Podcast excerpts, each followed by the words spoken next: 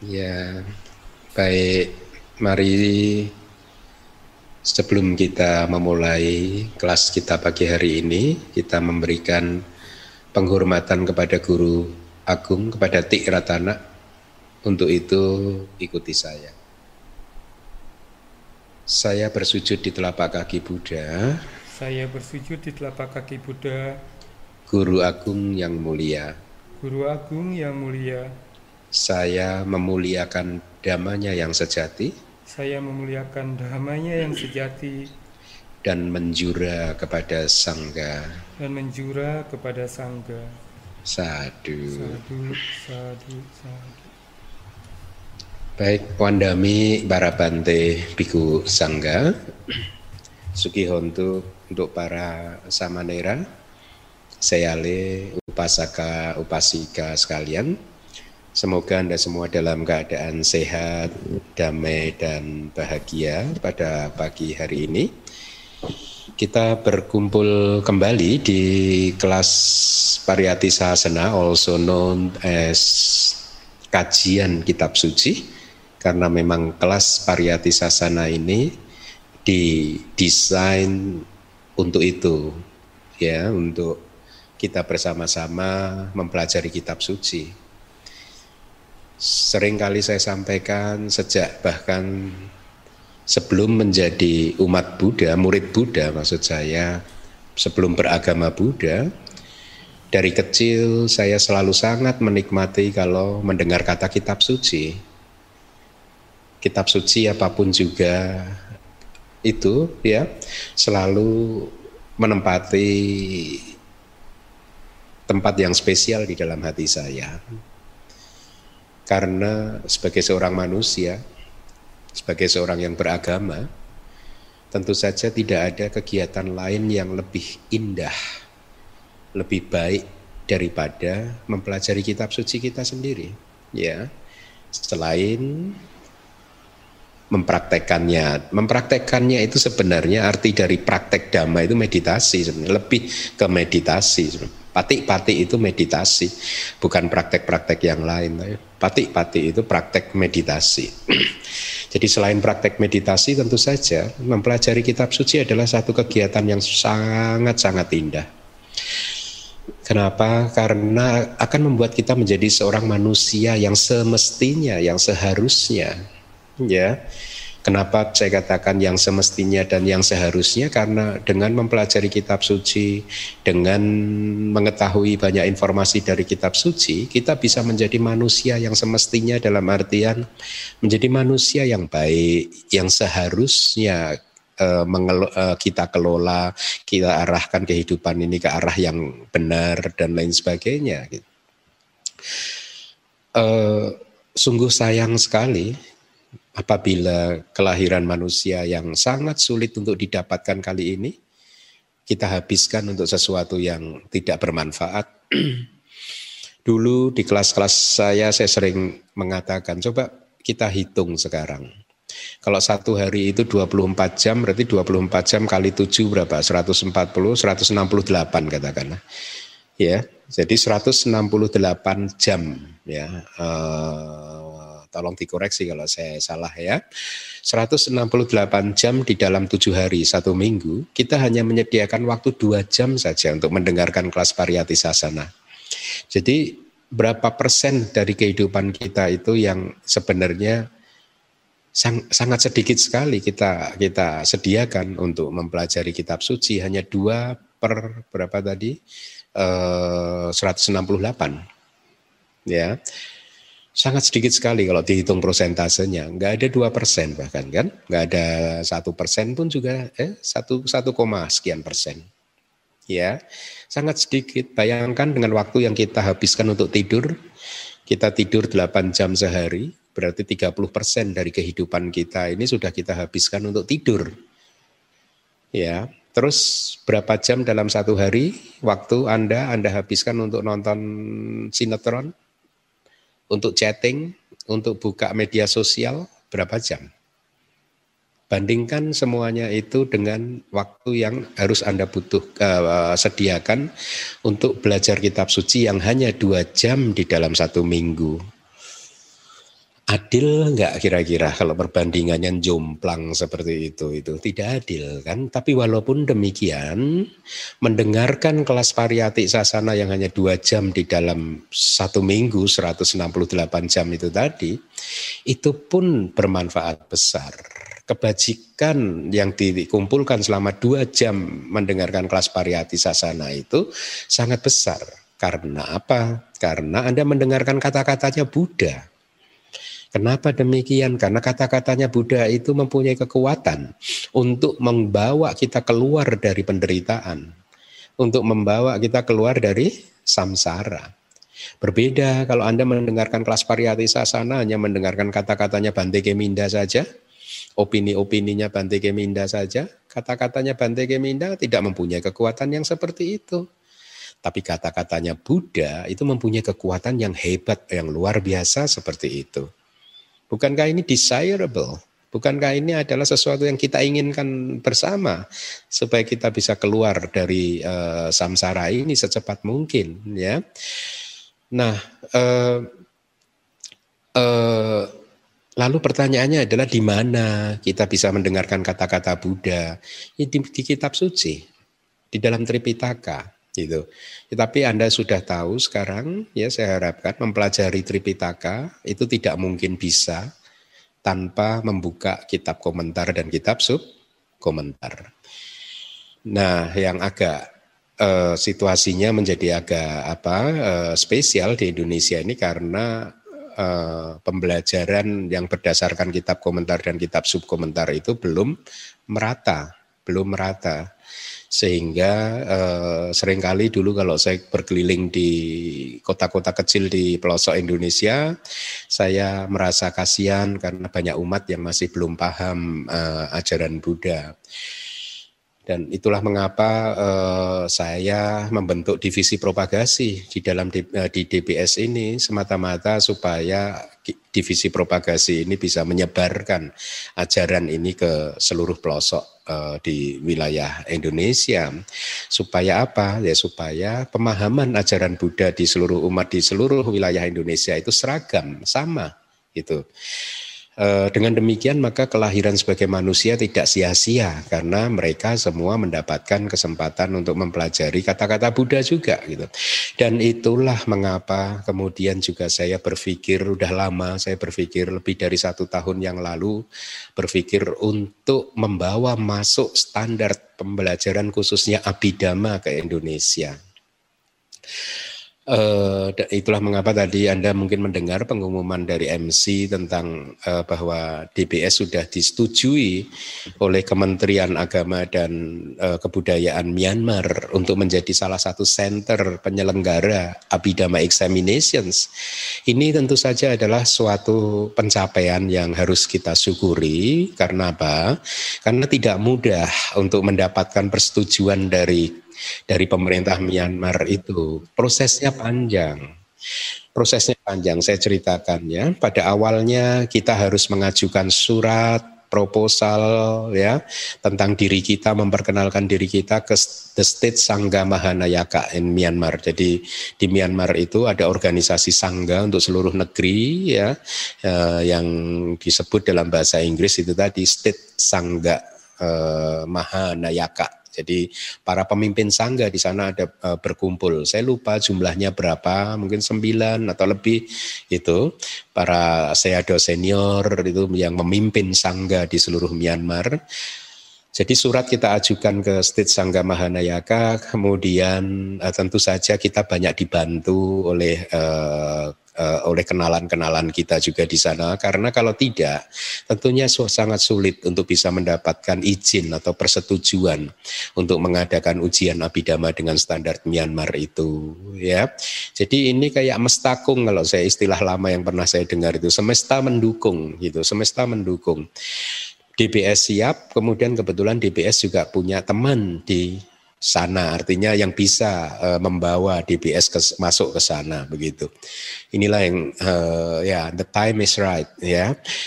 Nah ketika state sangga mahanayaka sudah menyetujuinya sangganya sudah menyetujuinya kemudian ini di teruskan ke pemerintah Myanmar yaitu dalam hal ini Kementerian Agama dan Kebudayaan Myanmar yang tinggal kemudian menstempel saja menyetujui ya apa yang sudah diputuskan oleh sangga di sana.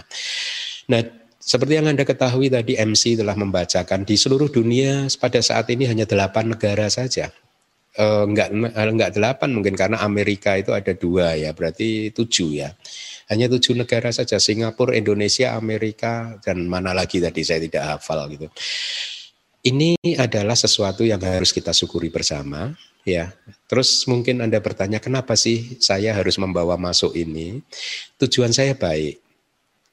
Menurut saya baik, yaitu untuk menstabilkan sasana, untuk memberikan satu standar bahwa oh ternyata belajar abidama itu yang benar itu seperti ini gitu. Gitu supaya Anda semua yakin bahwa oh seharusnya belajar abidama itu seperti ini, bukan yang seperti itu begitu. Itu tujuan saya. Sehingga kenapa harus begitu? Supaya semua orang mendapatkan manfaatnya. Itu bayangkan kalau Anda mendengarkan ajaran hanya opininya Bante Keminda saja, saya tadi katakan ah itu hanya opininya Bante Keminda nggak ada manfaatnya memang nggak ada manfaatnya karena Bante Keminda bukan siapa-siapa nggak akan ada manfaatnya buat anda kalau saya beropini opini saya saya ini kan kepada anda untuk diikuti. Enggak tapi eh, pelajaran yang ada di dalam kitab suci itu manfaatnya besar. Itulah mengapa penunjukan ini adalah satu hal yang patut kita syukuri dan semoga bisa didukung oleh semua pihak ya. Semua pihak mendukungnya ya. Guru-guru abidama semuanya mendukungnya karena ini demi agama kita ya demi agama kita demi ajaran Buddha. Para guru, kalau Anda semua cinta dengan ajaran Buddha, sangat saya harapkan ya kita semua harus mendukung ini supaya berhasil ya supaya dengan demikian kita semua tidak menyia-nyiakan kelahiran kita kali ini eh, sebagai manusia yang sulit untuk didapatkan ya supaya karir spiritual kita meningkat di dalam kelahiran kali ini ya sia-sia sekali kalau kita di dalam kehidupan kali ini tidak atau sama sekali tidak mengenal eh, kitab suci kita gitu. Baik, itu adalah prolognya. Kelas Pagi hari ini adalah kelas yang terakhir untuk Meta Sutta. Mungkin Anda tadi mendengar juga pengumuman dari eh, MC ya tentang kata diskursus. Sebenarnya sudah lama saya curiga dalam tanda kutip curiga dengan penerjemahan kata sutta yang diterjemahkan sebagai khotbah. Tetapi karena satu dan lain hal, karena kesibukan saya, akhirnya meskipun saya curiga bahwa ini belum sepertinya tidak benar, eh, saya tidak mengambil langkah-langkah perbaikan gitu. Baru ketika saya menerjemahkan kitab suci yang saya mulai dengan penerjemahan Majjhima Nikaya yang akan diterbitkan nanti tanggal 14 Februari 2021 ya eh, tanggal tersebut adalah awal dari usaha untuk menerjemahkan kitab suci dan kitab komentarnya ya. Ketika itu kemudian saya mencoba untuk eksplorasi. Apakah kata suta diterjemahkan sebagai khotbah itu benar dan ternyata menurut kamus bahasa Indonesia tidak benar ya Anda bisa buka sendiri KBBI Anda ketik khotbah itu tidak sesuai dengan kata suta Inilah problem di Indonesia. Kita sering kali mewarisi kata-kata yang salah. Misalkan ewang mesutang, demikianlah yang saya dengar itu pun juga salah. Ya. Jadi itulah juga problem saya akhirnya sebagai seorang penerjemah untuk kemudian uh, harus berhati-hati di dalam memilih terminologi-terminologi gitu. Dan inilah mengapa pekerjaan menerjemahkan kitab suci ini menjadi makin lama karena saya harus bergelut dengan kamus besar bahasa Indonesia, menyediakan waktu yang cukup hanya untuk menemukan satu kata yang benar gitu. Padahal kitab suci kita ini bukunya jumlahnya ribuan katakanlah gitu. Hanya untuk menemukan satu kata aja saya harus spend waktu yang cukup banyak. Ya, makanya pekerjaan ini menjadi membutuhkan kesabaran gitu ya. Nah makanya eh, kemudian saya rubah kata uh, sutta tidak saya terjemahkan sebagai khotbah lagi karena ini warisan yang salah ya warisan yang salah yang kita terima saja dengan dengan istilahnya membabi buta gitu tanpa men-challenge-nya gitu. Jadi saya rubah menjadi diskursus gitu ya. Anda bisa buka kamus besar bahasa Indonesia ketik diskursus. Ya maknanya itu lebih tepat untuk kata suta karena Sutta itu merujuk pada percakapan, kadang sering kali merujuk pada percakapan Buddha dengan satu orang upasaka atau upasika saja, atau satu orang pertapa pengembara, atau satu orang, dua orang biku, dan lain sebagainya. Jadi kata diskursus ini saya rasa lebih tepat.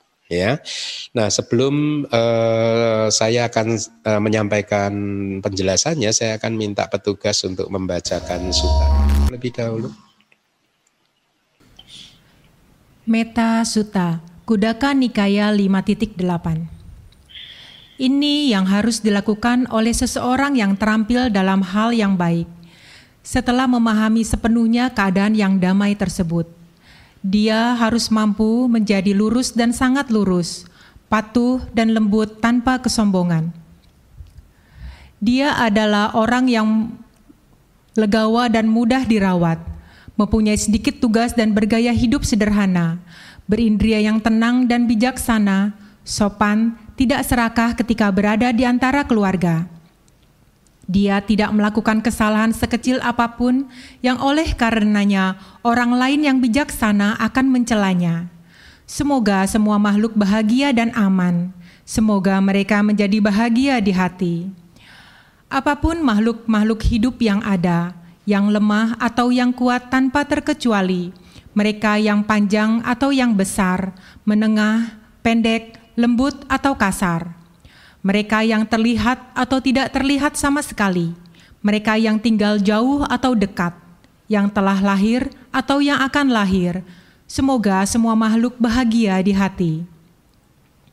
Tidak boleh ada orang yang menipu yang lain, tidak meremehkan siapa pun di mana pun dikarenakan oleh kemarahan dan pikiran antipati, tidak ada yang saling mengharapkan penderitaan. Seperti halnya seorang ibu yang akan melindungi putranya, satu-satunya putra dengan nyawanya. Demikian juga seseorang harus mengembangkan hati yang tanpa batas terhadap semua makhluk. Dan seseorang harus mengembangkan cinta kasih, hati yang tanpa batas terhadap seluruh dunia, yang di atas di bawah, dan melebar, tanpa batasan, tanpa permusuhan, tanpa musuh. Berdiri, berjalan, duduk, atau rebahan, selama seseorang tidak mengantuk, dia harus mempraktikkan perhatian penuh ini. Mereka menyebut ini sebagai tempat tinggal Brahma di sini, dan tidak jatuh ke pandangan, berakhlak, sempurna dengan pandangan. Setelah menyingkirkan keseraka, keserakahan terhadap kenikmatan-kenikmatan indriawi, dia tidak akan pernah berada di rahim lagi. Sadu, sadu, sadu. Baik, terima kasih Yulia. Itu tadi adalah sutanya. Kita sudah sampai di bagian akhir dari suta tersebut. Tolong slide-nya ditampilkan. Ya, jadi minggu lalu uh, kita sudah belajar tentang bagaimana mengembangkan meta ya dengan objek semua makhluk yang diperinci oleh para arahat uh, yang sudah saya sampaikan di kelas minggu yang lalu gitu ya. Uh, jadi perhatian diarahkan ke semua makhluk ya ke berbagai penjuru ke depan ke belakang di sekitar kita atas bawah dan lain sebagainya ya itu jadi kita komentar mengatakan setelah Buddha menguraikan hal yang demikian sekarang begitu kata ada kata di bagian akhir dari suta ini atau diskursus ini kita akan diajarkan oleh Buddha bahwa di dalam pengembangan meta tidak ada posisi tubuh yang ditentukan. Artinya kalau seperti eh, dalam Anapanasati Sutta atau di dalam ya Anapanasati Sutta, Mahasati Padana Sutta di bagian pendahuluannya eh, tentang meditasi perhatian penuh terhadap nafas masuk dan nafas keluar itu kan eh, ada kalimat eh, sunya garak gatowa niksi dati abu citwa itu artinya uh, seorang duduk bersila begitu ya. Jadi ada petunjuk bahwa kita diharapkan untuk duduk bersila ketika bermeditasi mengamati nafas masuk dan nafas keluar. Tetapi di dalam meditasi meta ini Buddha tidak menentukan posisi itu seperti itu gitu ya. Tidak ditentukan apakah harus duduk saja dan lain sebagainya, tidak ada ketentuan seperti itu. Itulah mengapa Buddha berkata di slide tersebut ketika sedang berdiri baik berjalan, duduk atau rebahan, tapi ada kalimat penentunya itu selama seseorang tidak mengantuk, maka dia harus mempraktekkan perhatian penuh ini. Perhatian penuh itu mindfulness atau sati gitu ya. Perhatian penuh yang diarahkan untuk membangkitkan uh, uh, meta di hati kita, cinta kasih di hati kita. Jadi artinya adalah seperti ini. Ketika kita mengembangkan meta, kita benar-benar bisa mempraktekannya dalam posisi apa pun. Kita mengenal Buddha, Buddha mengajarkan empat posisi tubuh atau empat sikap tubuh, yaitu berdiri satu, dua berjalan, tiga duduk, eh, empat rebahan. Jadi empat sikap tubuh ini bisa dipakai untuk mengembangkan perhatian penuh uh, terhadap uh, objek-objek apa pun subjek meditasinya gitu ya. Nah, kemudian dengan tidak membuat batasan tentang sikap tubuh atau bahasa palinya itu iria patak itu iria patak itu bahasa palinya. Jadi Buddha dengan tidak menentukan sikap tubuh yang pasti untuk bermeditasi meta ya dengan kata lain, maka kita sesungguhnya bisa mempraktekkan meta itu dengan sikap tubuh apa saja tadi seperti berdiri, berjalan, kemudian duduk dan e, rebahan gitu ya. Dengan catatan itu tadi selama kita tidak mengantuk. Kalau mengantuk bagaimana dulu guru saya mengajarkan kalau mengantuk tidur gitu ya. Uh, saya rasa itu adalah uh, nasihat yang bagus ya.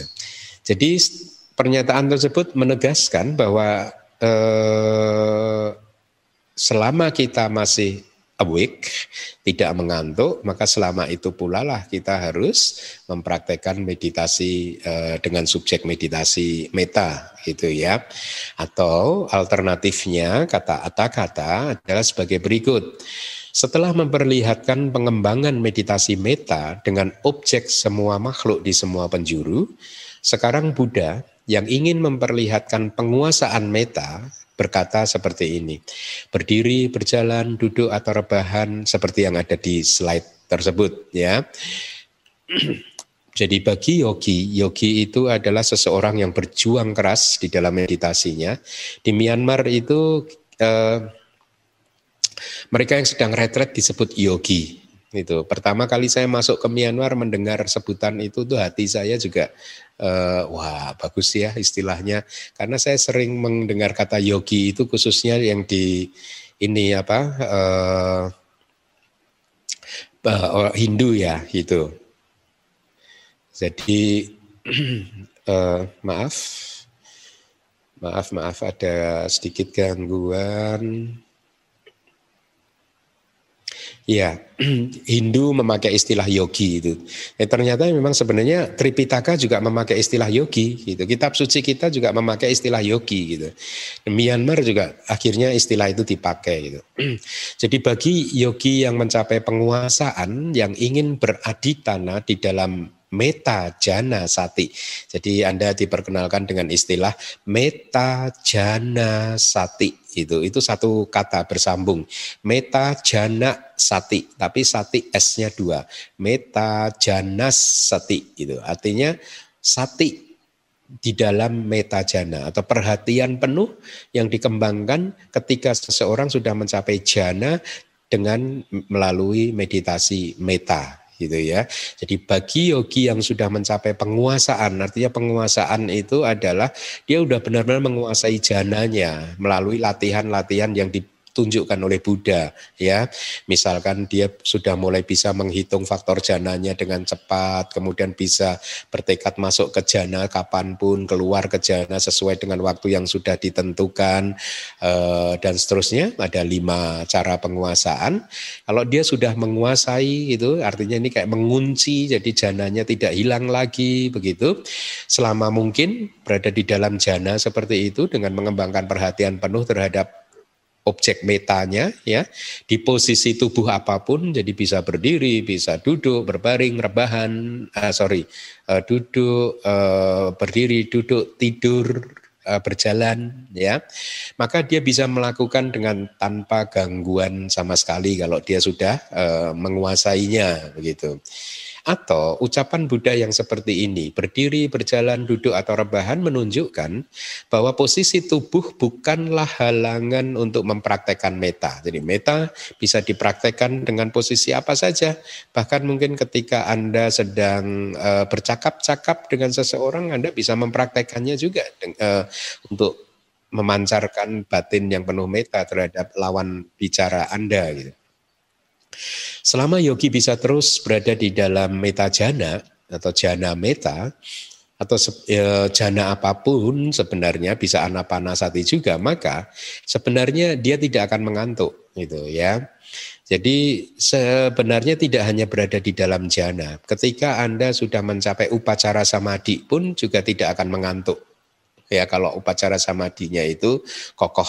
Ketika Anda mencapai eh, bahkan kanika samadhi yang benar pun Anda tidak akan mengantuk. Kenapa? Karena di tiga jenis konsentrasi ini, tiga jenis samadhi ini yaitu kanika samadhi atau momentary concentration atau konsentrasi moment by moment saat demi saat, kemudian upacara samadhi oh, yaitu konsentrasi akses yang sudah dekat dengan jana dan apana samadhi atau konsentrasi absorpsi atau jana itu di dalam tiga jenis konsentrasi itu lima niwarana itu tertekan Meskipun kekuatannya berbeda ya, kekuatannya dari tiga jenis konsentrasi ini berbeda. Tentu saja kekuatan jana itu paling kuat ya. Tapi apa pun itu niwarana itu tertekan semua di dalam tiga jenis konsentrasi ini sehingga rasa mengantuk itu hilang. Tidak ada rasa mengantuk gitu. Uh, uh, ngantuk, mengantuk itu kilesa loh ya kalau uh, menurut uh, Abhidhamma kecuali arahat ya itu melalui kilesa yang disebut tina mida yaitu kemalasan dan kantuk dan di tiga jenis konsentrasi tadi, kemalasan dan rasa kantuk sudah berhasil ditekan gitu ya, sudah berhasil dilumpuhkan gitu. Selanjutnya, eh, jadi Buddha mengajarkan untuk mengembangkan meta ke semua makhluk, ke seluruh penjuru dengan empat iria pada, empat sikap tubuh yang tadi berjalan, berdiri, duduk dan rebahan, itu, atau dengan Cara lain yaitu terus menerus berada di dalam meta jana yang dipuji Buddha melalui pernyataannya sebagai berikut. Mereka menyebut ini sebagai tempat tinggal Brahma, itulah jana ya. Uh, Brahma. Uh, ini adalah Brahma Wihara sebenarnya ya. Brahma Wihara itu sebenarnya ada empat yaitu Meta, Karuna, Mudita, UPK tetapi karena topik kita kali ini adalah Meta maka uh, di sini Brahma Wiharanya atau tempat tinggal Brahma atau kediaman Brahmanya itu merujuk kepada Meta jadi lihat Buddha mengatakan bahwa untuk mengembangkan Meta bisa dengan uh, berbagai cara. Satu bisa ketika Anda berjalan berdiri duduk ataupun juga rebahan. Cara yang lainnya puncaknya ketika Anda mencapai jana. Ya, Anda bisa mengembangkan meta di dalam uh, jana meta tersebut gitu.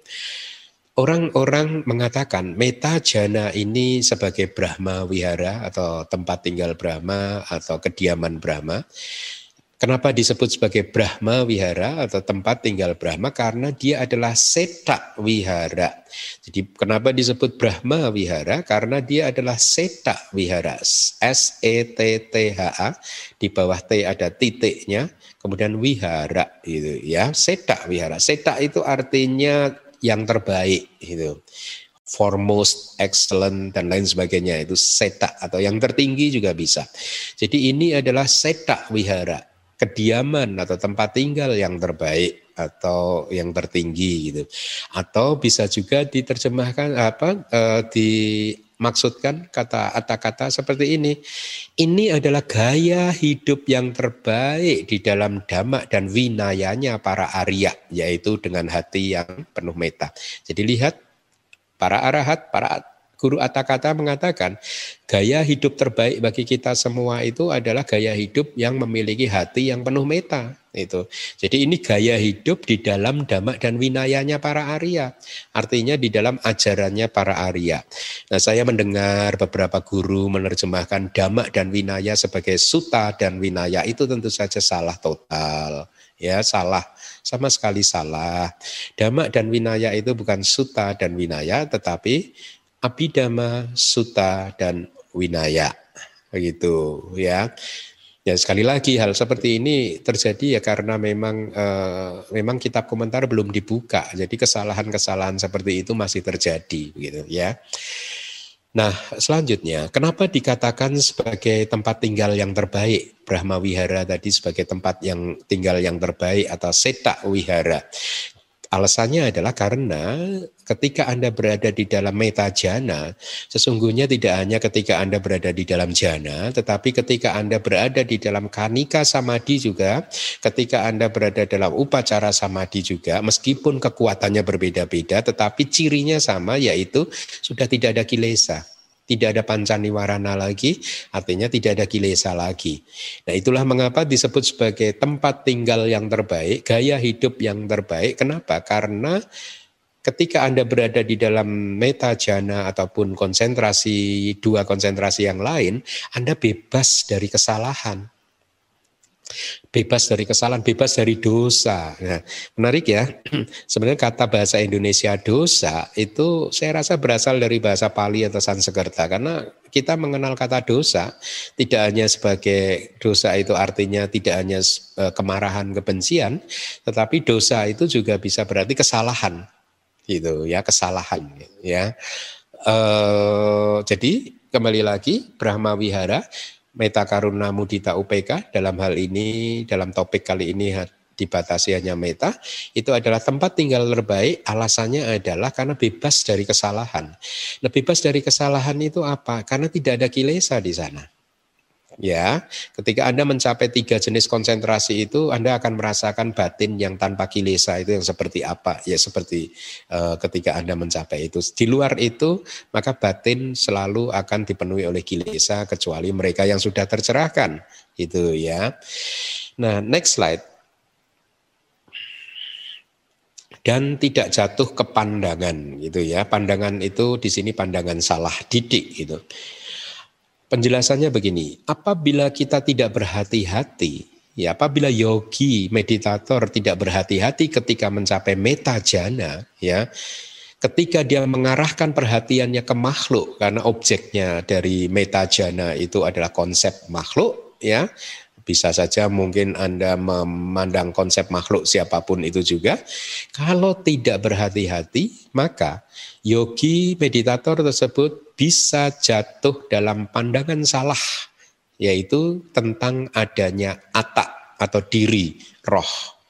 Ya, nah ini penjelasan dari para arahat seperti itu. Ya itulah mengapa di dalam meditasi Buddhis peran guru itu penting. Saya sangat uh, memahami ketika mengatakan betapa pentingnya peran guru karena saya pernah dibimbing oleh beberapa guru dan yang terakhir saya dibimbing secara intensif oleh guru penahbis saya itu selama hampir satu tahun intensif itu di sana saya merasakan pentingnya seorang guru karena kalau tidak pasti bisa salah langkah terus. Salah menginterpretasikan dan lain sebagainya begitu. Jadi sebenarnya meditasi itu tidak semudah misalkan dibicarakan orang. Yang penting kita aware yang penting kita aware yang penting kita sadar enggak. Karena akan banyak cross roads, akan banyak persimpangan jalan yang kita temui, ya, di mana akhirnya guru memberi petunjuk kita harus begini, kita harus begitu. Jadi eh, meditasi Buddhis harus atau wajib mutlak membutuhkan seorang guru yang kompeten. Ya. Nah, it, seperti yang dikatakan tadi, kalau kita tidak berhati-hati ketika meng, Anda mencapai meta jana dengan objek memandang wajah Anda sendiri, katakanlah, gitu, maka bisa jadi Anda ketika melihat wajah sendiri, persepsi tentang adanya diri, roh, atak itu muncul. Ya, itulah mengapa Buddha mengingatkan ya yogi hendaknya tidak jatuh ke dalam pandangan salah itu ya. Beliau menekankan dengan kata-kata seperti itu ya karena yang diharapkan oleh Buddha, nah ini Anda harus tahu ya, informasi seperti ini tidak akan bisa didapat kalau kita tidak membaca kata-kata gitu. Yang diharapkan oleh Buddha adalah meta jana itu tadi, jana dengan objek meta itu tadi, itu harus digunakan sebagai basis untuk wipasana landasan untuk wipasana.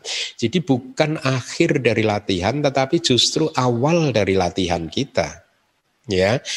Kenapa? Kenapa? Karena setelah memasuk Anda memasuki meta jana, Anda akan di uh, ajarkan oleh guru Anda bagaimana untuk menguasai jana tersebut ya. Dan setelah Anda menguasainya, Anda masuk, kemudian Anda harus keluar dari jana tersebut. Untuk kemudian Anda diajarkan untuk mengamati sangkara ya formasi-formasi. Arti dari sangkara itu adalah dia bisa formasi tubuh jasmani atau formasi materi, bisa juga berarti nama sangkara atau formasi batin itu ya. Dan ketika Anda mengamati formasi-formasi tersebut, Anda sedang berada di dalam meditasi wipasana. Jadi inilah tujuannya Buddha sebenarnya. Berlatih meta untuk mencapai konsentrasi dengan landasan meta dan kemudian dipakai untuk berwipasana. Ya, sekarang Anda tahu bahwa tujuannya adalah untuk mencapai hasil tidak hanya berwipasana saja, tapi wipasananya harus berhasil. Hasilnya apa? Hasilnya adalah berupa pencapaian maga dan pala atau jalan dan buah. Jadi wipasana harus diperjuangkan hingga mencapai puncaknya di mana maga cita muncul, kesadaran jalan muncul untuk menghancurkan kilesa hingga ke akar-akarnya. Saya beritahu kepada Anda, kalau Anda ingin menghancurkan kilesa, maka tidak ada jalan lain kecuali Anda berjuang untuk mencapai atau memunculkan uh, maga cita itu tadi, kesadaran jalan. Saat ini kesadaran kita adalah kesadaran yang uh, sering kali atau mungkin all the time itu adalah hanyalah kesadaran lingkup indriawi. Ya, nah kesadaran lingkup indriawi, kesadaran jana itu tidak mempunyai kekuatan untuk menghancurkan kilesa.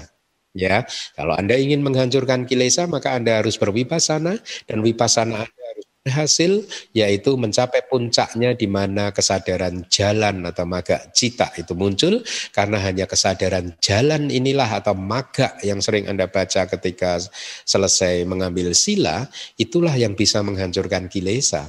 Tidak ada kesadaran lain yang bisa menghancurkan kilesa kecuali kesadaran jalan tersebut.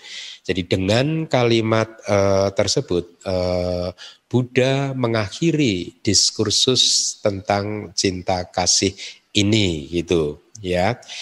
Nah, jadi uh, ya tentang pengamatan nama dan rupa di dalam meditasi vipassana atau batin dan jasmani di dalam meditasi vipassana saya sudah menyampaikan di banyak suta tentang uh, bagaimana mengamati nama dan uh, rupa Anda bisa mendengarkannya uh, sekarang gitu ya.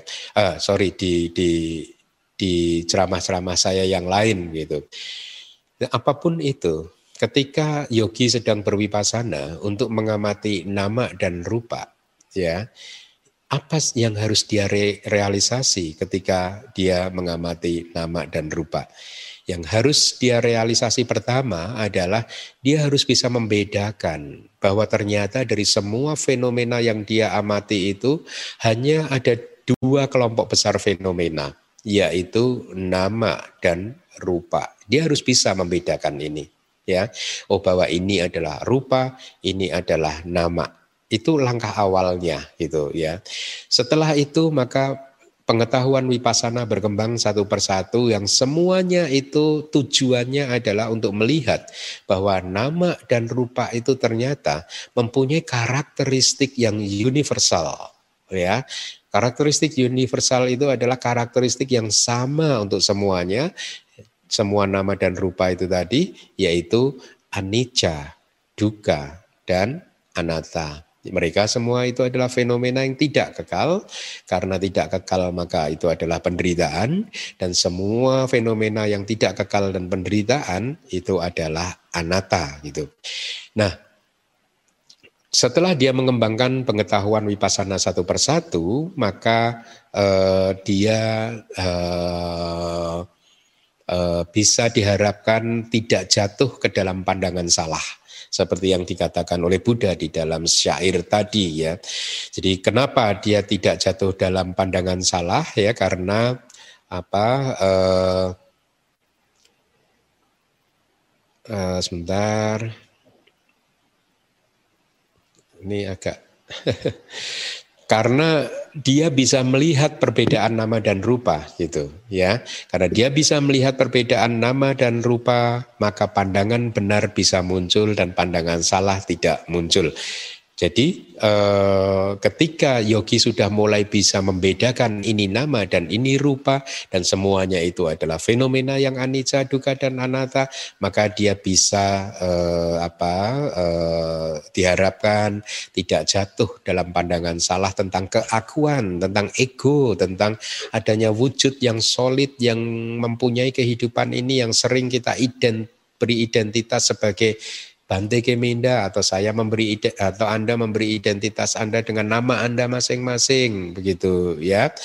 Nah, itu baru bisa dihalau ketika Anda bermeditasi wipasana dan bisa membedakan nama dan rupa seperti yang tadi sudah saya sampaikan. Tolong next slide ditampilkan ya. Eh, yang bahasa Pali tidak ada ya. Ya.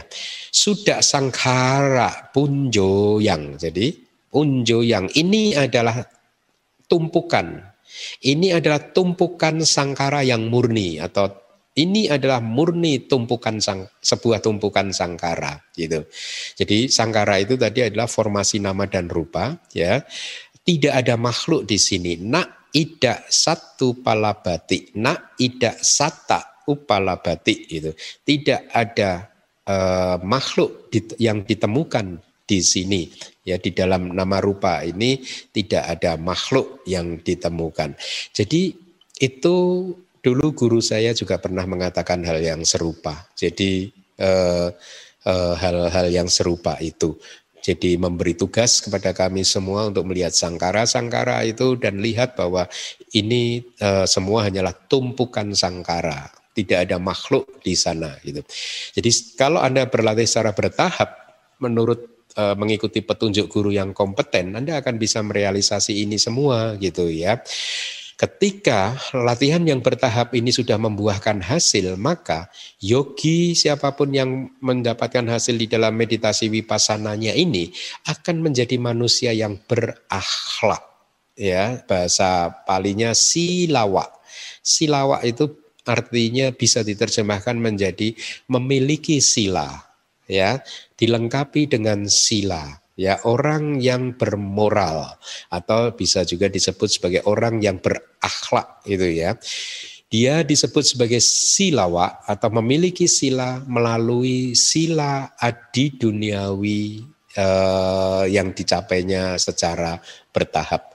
Jadi kalau menurut penjelasan ini sebenarnya seseorang yang benar-benar memiliki sila itu adalah mereka yang sudah eh, mencapai maga dan palak begitu ya.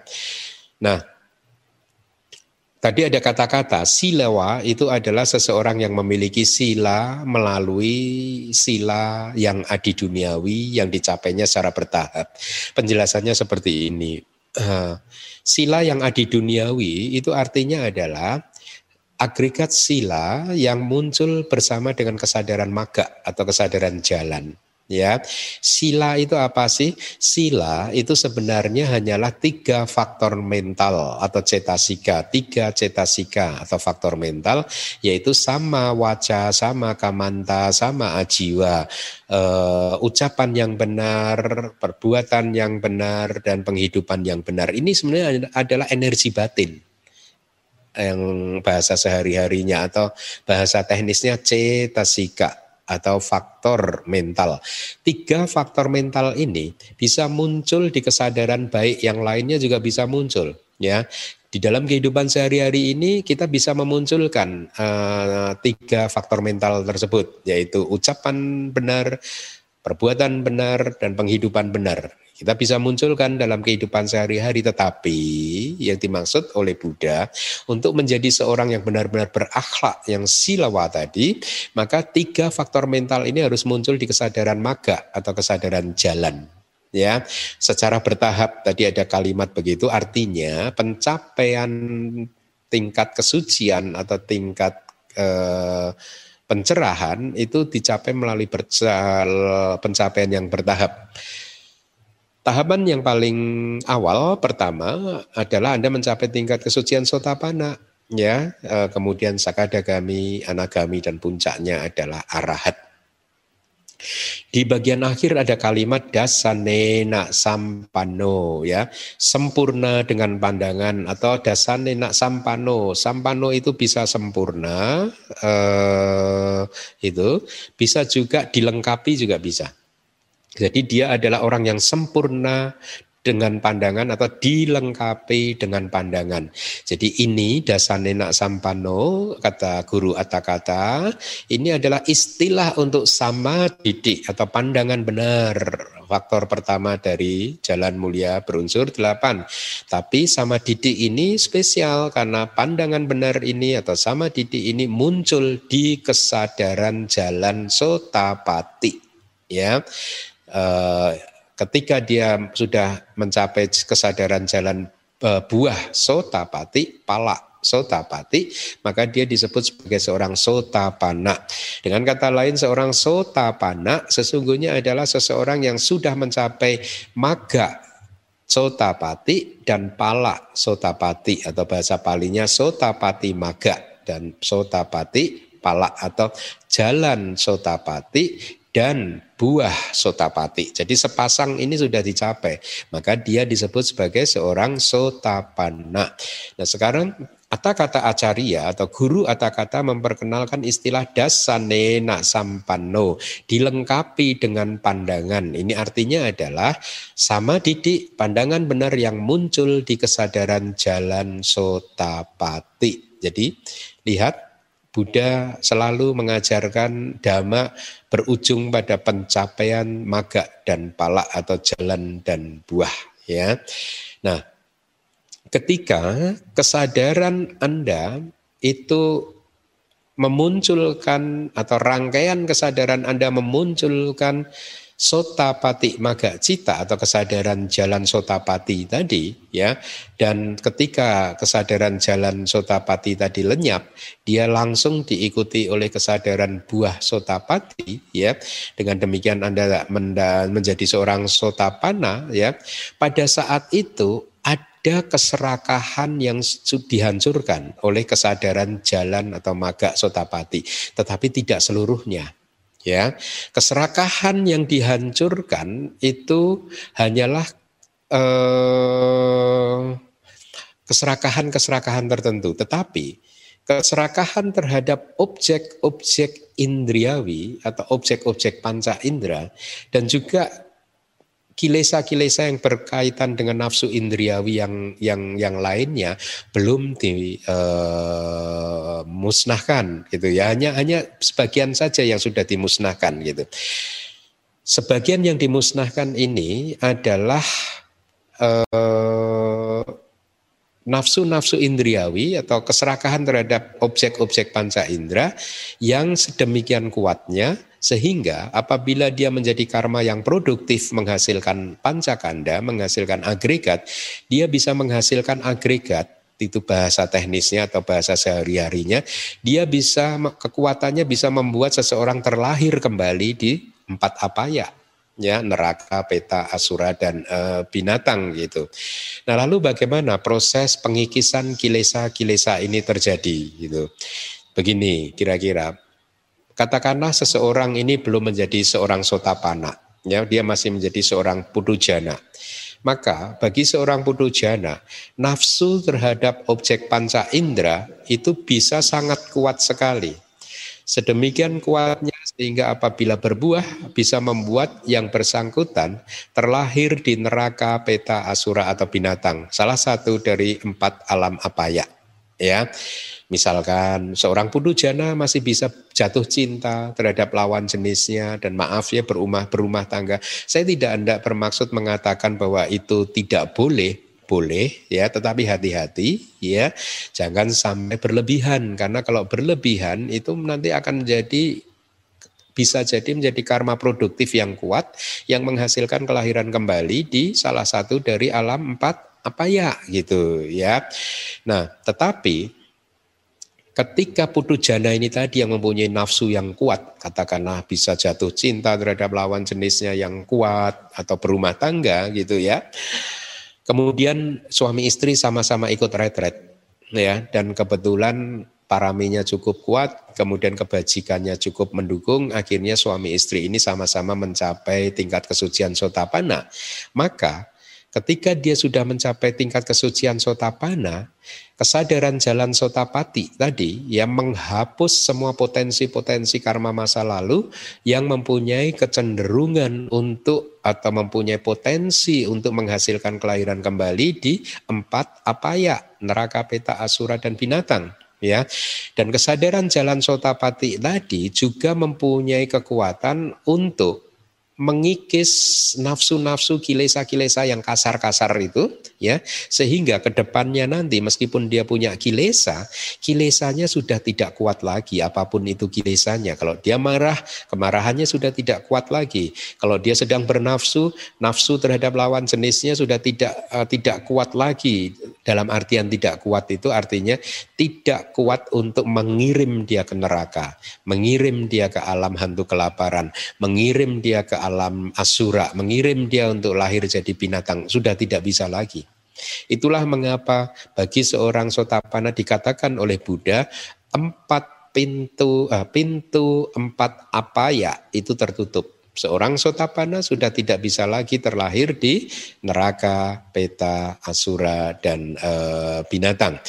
Nah, saya sampaikan ini kenapa? Karena dulu lama sekali saya lupa mungkin juga di Singapura juga pernah mungkin ya karena lama agak lupa. Ada saja umat itu yang ketakutan gitu ya.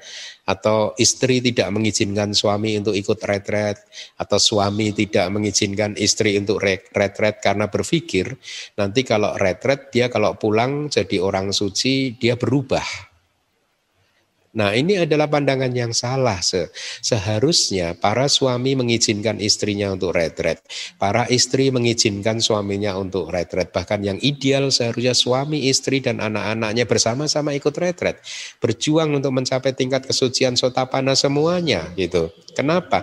Jangan khawatir gitu. Ketika Anda semua mencapai sotapana, Anda masih bisa hidup dalam rumah tangga yang utuh itu tidak ada yang berubah. Yang berubah adalah Anda sekarang bukan putu jana lagi, tapi Anda adalah orang-orang yang suci, orang-orang yang uh, mulia gitu sehingga kehidupan menjadi lebih nyaman, kehidupan menjadi lebih damai dan bahagia gitu ya.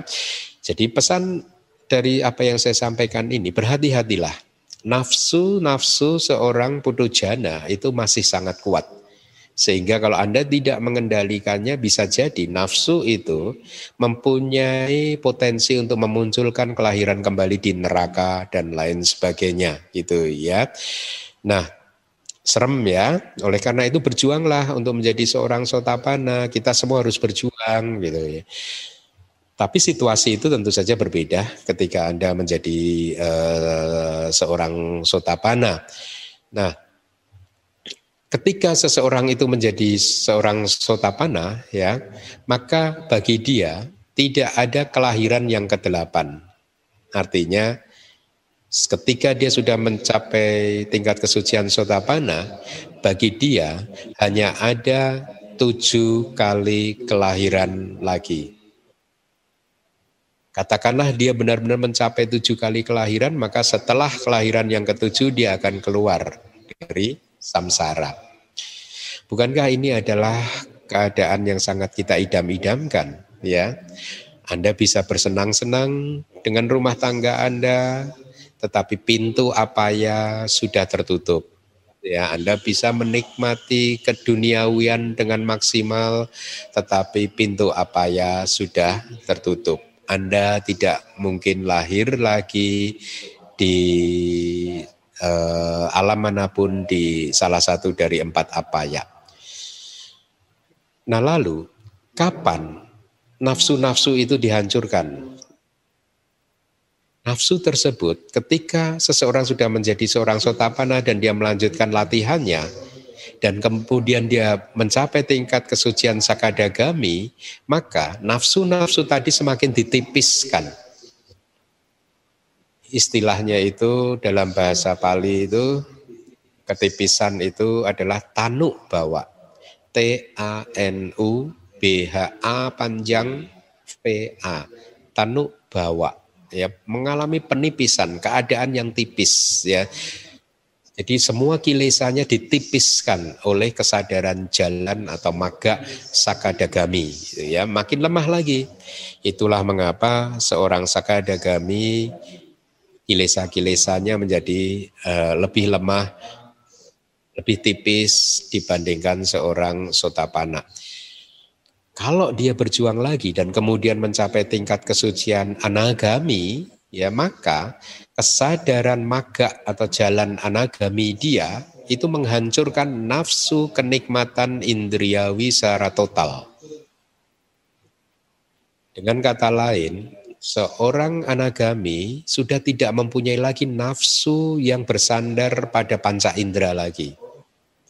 Itulah mengapa seorang anagami sudah tidak bisa menikmati kehidupan rumah tangga lagi, tetapi dia masih bisa berumah tangga. Dia masih bisa tinggal bersama dengan pasangannya, suaminya, istrinya, anak-anaknya, tetapi dia sudah tidak seperti dulu lagi. Ya, kan kenapa? Semata-mata karena dia sudah tidak mempunyai nafsu yang bersandar pada panca indera. Tapi walaupun demikian, seorang anagami masih mempunyai nafsu yang lain, ya belum dihancurkan total. Meskipun kenikmatan indriawi atau nafsu yang berdasarkan kenikmatan-kenikmatan panca indrawi indra itu hancur total, tetapi masih ada nafsu-nafsu lain yang eksis di dalam rangkaian kesadaran seorang anagami, yaitu apa? Eh,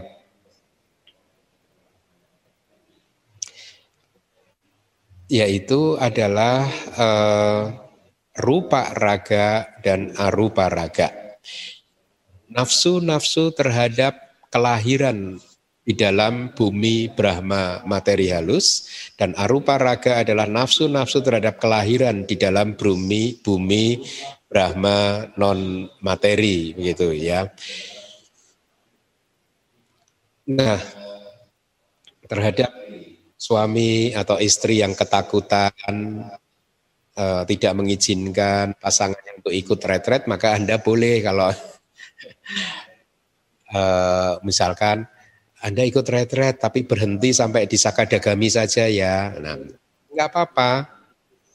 Paling tidak sudah menjadi seorang Arya Eh, empat pintu apa ya sudah tertutup dan itu sangat bagus sekali ada pencapaian sangat bagus sekali. Menjadi seorang sotapana adalah tujuan kelahiran kita seharusnya di dalam kelahiran kita kali kali ini. Minimal menjadi seorang sotapana Nah, eh, itu tadi adalah proses ketika seseorang menjadi sotapana, sakadagami, dan anagami.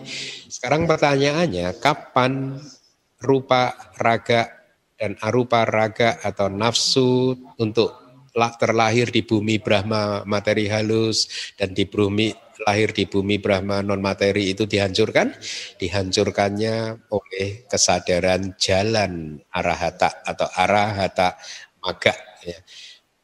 Ini adalah kesadaran yang ketika kesadaran buah arahatanya sudah muncul dan kemudian lenyap, maka orang ini memiliki status sebagai Arya Pugala, individu yang mulia yang disebut sebagai seorang arahanta. Bagi seorang arahanta maka katang karaniang dan what should be done. Selesai. Sudah tidak ada lagi yang harus dilakukan di dalam latihan praktek-praktek kehidupan sucinya ya karena kilesa secara total semuanya sudah dihancurkan. Ketika Anda menjadi seorang arahat maka Anda nahi jatuh kabase yang punak reti itu tidak akan pernah berada di rahim lagi. Itu adalah tujuan latihan kita. Jadi ketika Anda jadi anagami katakanlah kembali lagi ya anda terlahir sebagai manusia kali ini dan kemudian terlahir eh, menjadi seorang anagami dan di sepanjang kehidupan tidak bisa mencapai tingkat kesucian arahanta, maka ya ketika Anda meninggal dunia, Anda akan terlahir di bumi sudawasa. Bumi sudawasa atau bahasa Indonesianya adalah bumi kediaman yang luhur. Di sana seorang anagami terlahir dan di sana pula dia keluar dari samsara. Dia akan mencapai tingkat kesucian arahat di sana. Dia tidak akan kembali lagi. Dia tidak akan pernah lagi uh, terlahir di dalam rahim lagi.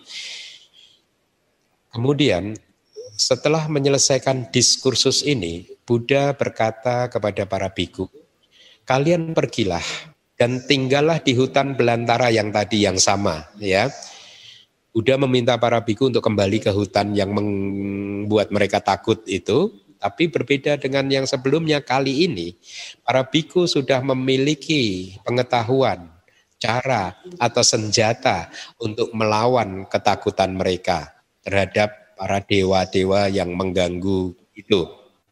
Ya.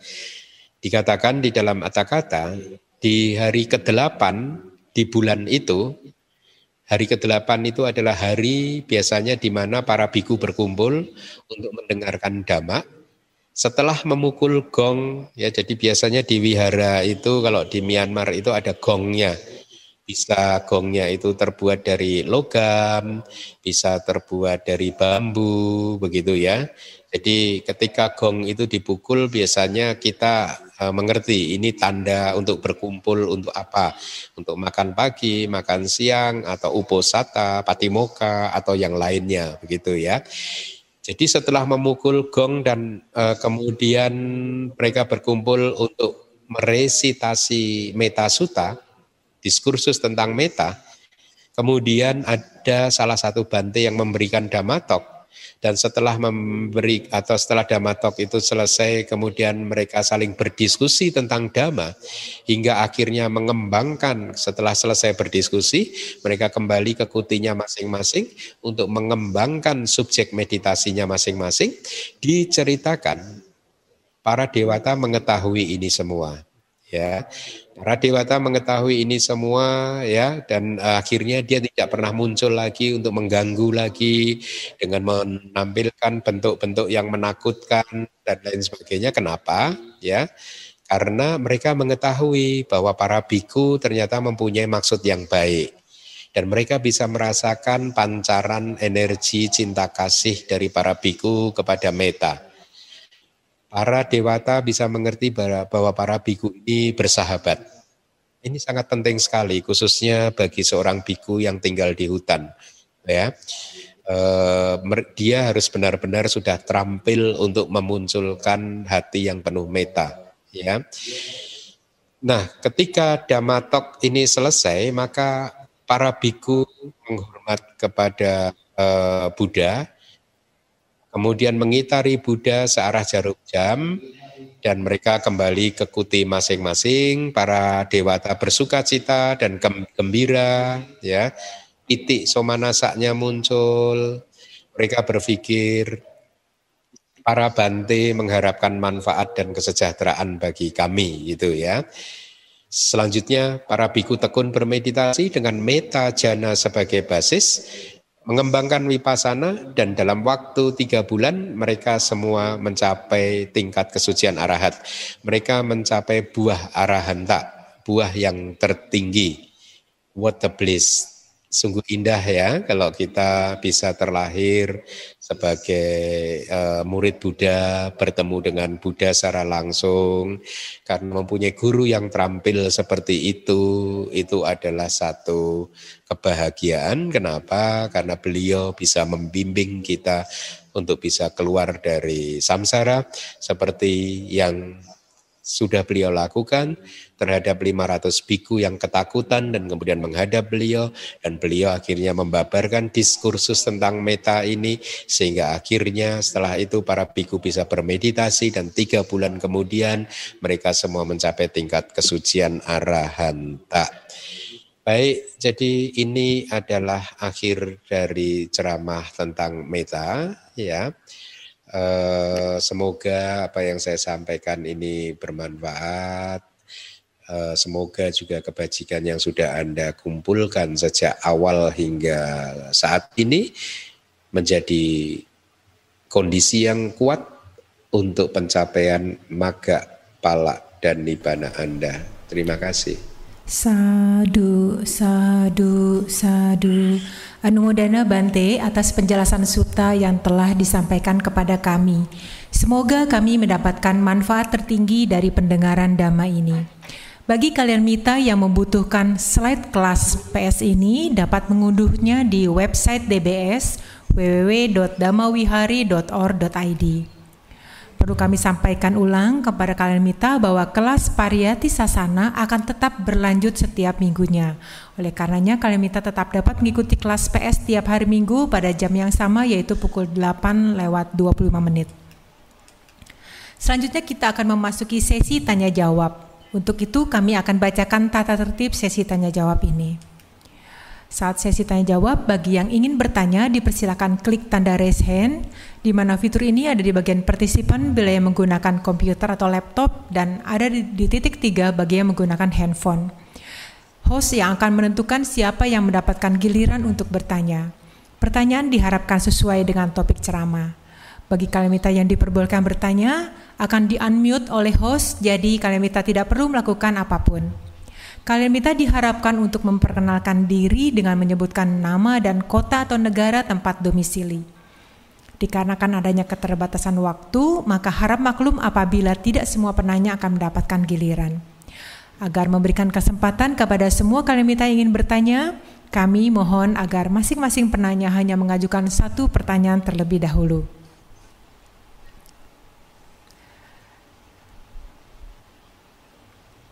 Kepada kalian semua, kami persilahkan jika ingin bertanya karena kelas kali ini Meta Sutta merupakan kelas dengan topik yang akan dibahas terakhir kali. Minggu depan kita akan membahas topik Sutta yang baru. Kepada Kalmeta yang ingin bertanya, kami persilahkan.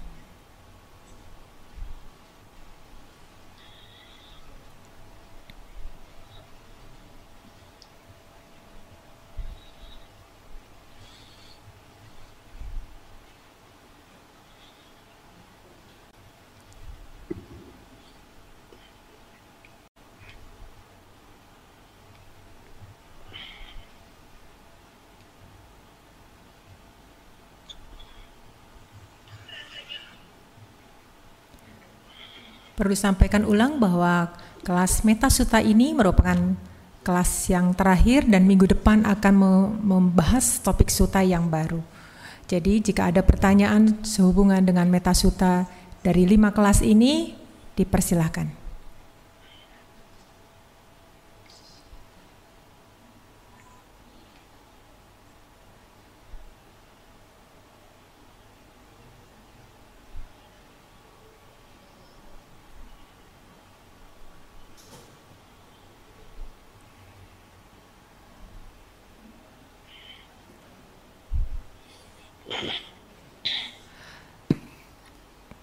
Kesempatan pertama kami berikan kesempatan bertanya kepada Saudara Teddy Tahir. Kepada Saudara Teddy, kami persilakan.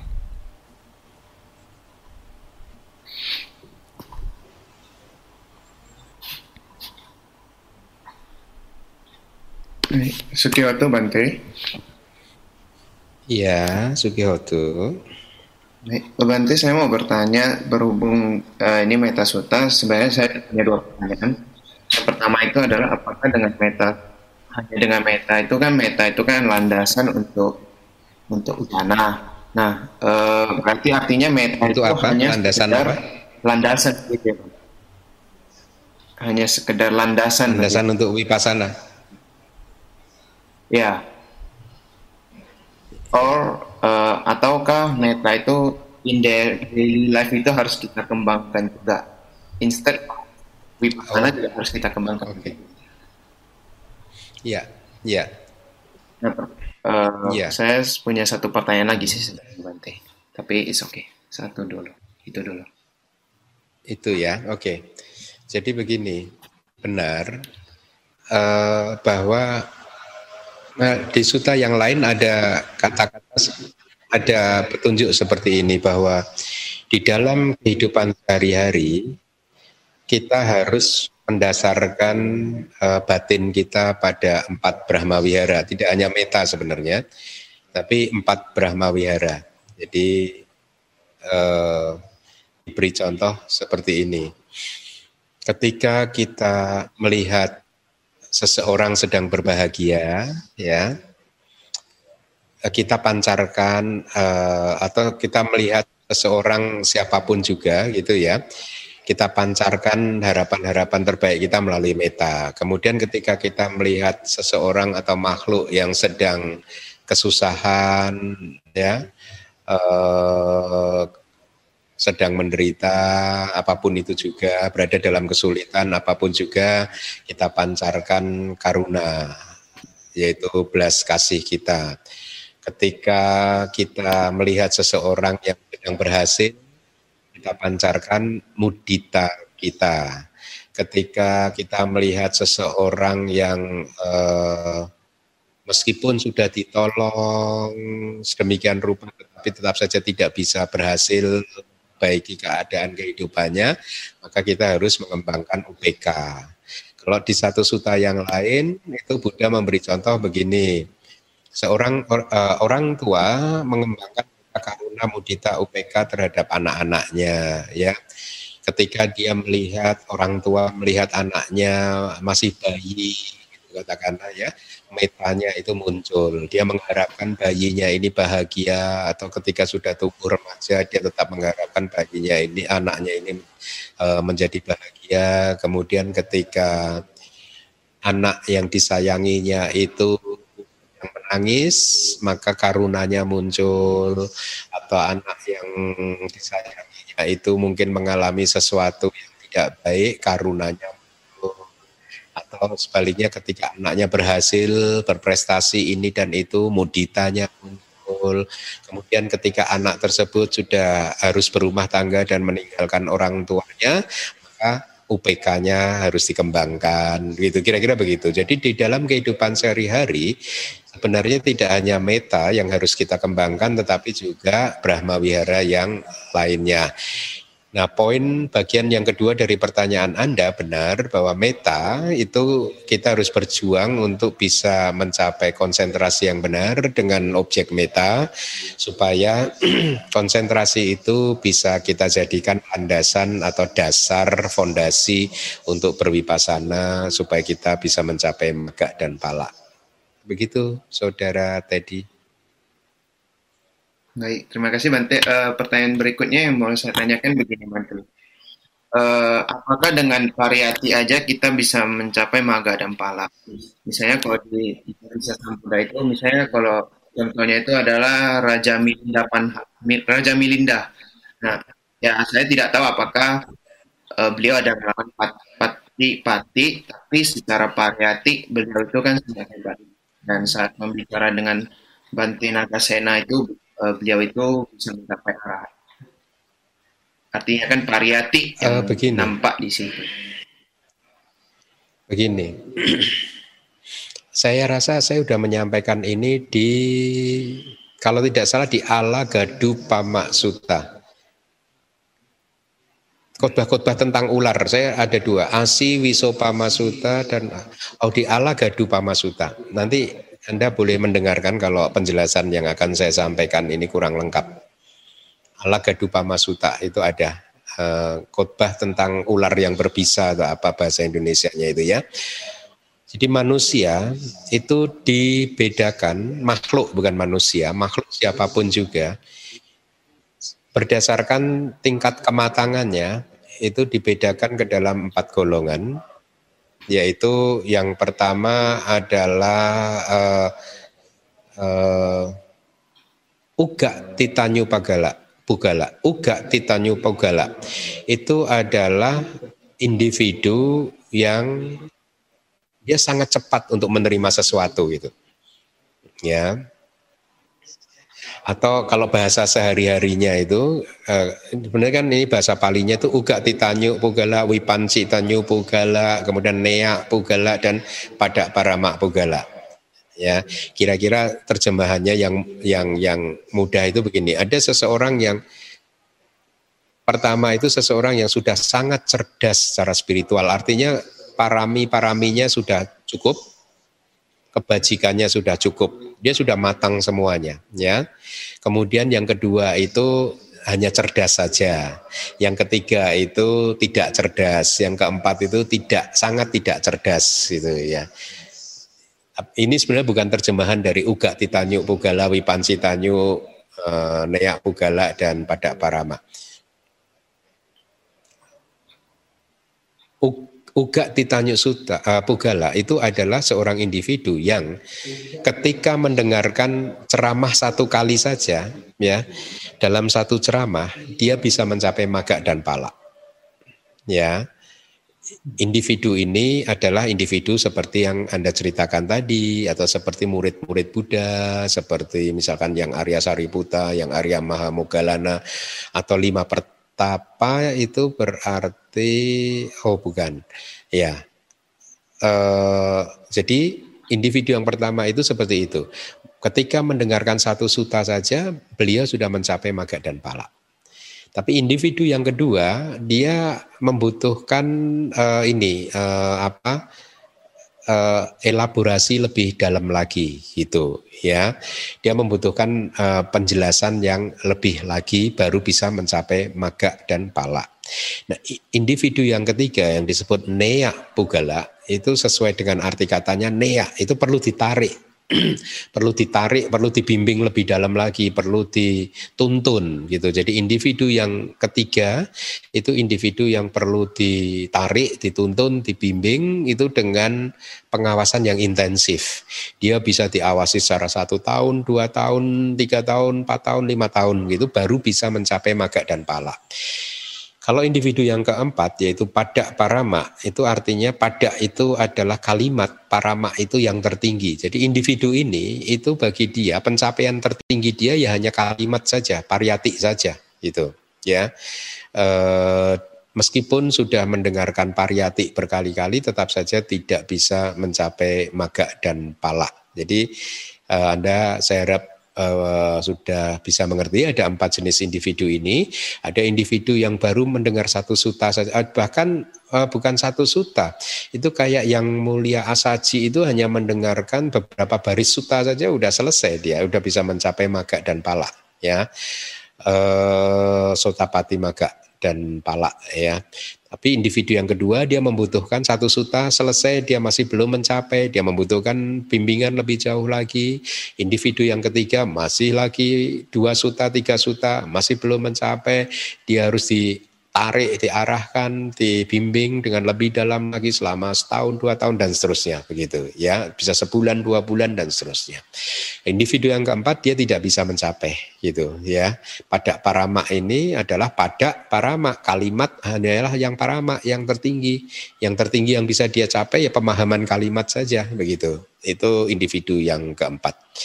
Nah, secara tradisi para guru-guru di Myanmar, kalau dulu guru saya mengatakan dua individu yang pertama ini sudah habis stoknya. Stoknya sudah habis untuk saat ini, ya, sehingga manusia-manusia di zaman sekarang, khususnya ya manusia ya, kayaknya guru saya dulu refer ke manusia, ya, tidak refer merujuk ke dewa atau Brahma. Jadi manusia-manusia di zaman sekarang ini yang ada adalah hanya kategori yang ketiga dan keempat yaitu nea pugala dan padak paramak pugala. Nea itu yang harus ditarik tadi, yang harus dibimbing lebih dalam lagi dan padak paramak saja, yaitu individu yang baginya kalimat adalah yang tertinggi gitu, ya. Nah, oleh karena itulah untuk manusia di zaman sekarang mendengarkan pariyati saja tidak akan pernah bisa mencapai maga dan pala. Ya saya saya saya paham ada penganut-penganut yang mengatakan bahwa bisa kok karena Buddha contohnya banyak di kitab suci eh, murid mendengarkan ceramah Buddha kemudian setelah itu mencapai maga dan pala. Ya, tetapi secara tradisi saya rasa atau guru saya dulu mengatakan dua jenis individu yang pertama itu sudah habis, sudah masuk nirwana semua, sudah selesai semua dua individu yang pertama ini. Yang stok yang tersisa saat ini adalah yang ketiga dan yang keempat, yaitu mereka yang tidak bisa hanya dengan mendengarkan pariyati saja mencapai maga dan pala. Demikian saudara tadi mudah-mudahan jelas ya. Terima kasih Bante atas penjelasannya. Selanjutnya ada pertanyaan via chat dari Ibu Lina Naga. Namo Buddhaya Bante, Sotihontu. Saya Lina dari Medan. Bagaimana mengembangkan batin Brahma Wihara dalam rutinitas harian sebagai umat awam yang masih bekerja? Demikian Bante. Ya, ya. Uh, biasanya saya kalau bertemu dengan seseorang tergantung objeknya Ibu ya. Kalau orangnya itu yang sedang tidak mengalami satu masalah apa pun begitu ya, eh, kita pancarkan meta ya kepada orang tersebut. Atau orang yang kita jengkel terhadap orang tersebut kita pancarkan meta. Atau orang yang eh, mungkin sedang marah sama kita kita pancarkan meta. Tergantung orangnya apabila kita bertemu dengan seseorang yang sedang eh, apa kesusahan, mengalami kesulitan di dalam kehidupannya, ya kita pancarkan dia uh, karuna. Artinya sebenarnya mengembangkan karuna di dalam hati kita, lebih kepada pengembangan karuna di dalam hati kita gitu ya. Sambil tentu saja kita ucapkan ucapan-ucapan meta, semoga Anda bisa segera menemukan kebahagiaan Anda, semoga Anda semua bisa uh, segera uh, menemukan uh, kehidupan yang baik dan seterusnya dan seterusnya gitu ketika Anda bercakap-cakap dengan seseorang yang bercerita tentang keberhasilan-keberhasilan dia, maka Anda bermudita cita ya dengan oh bagus sadu sadu.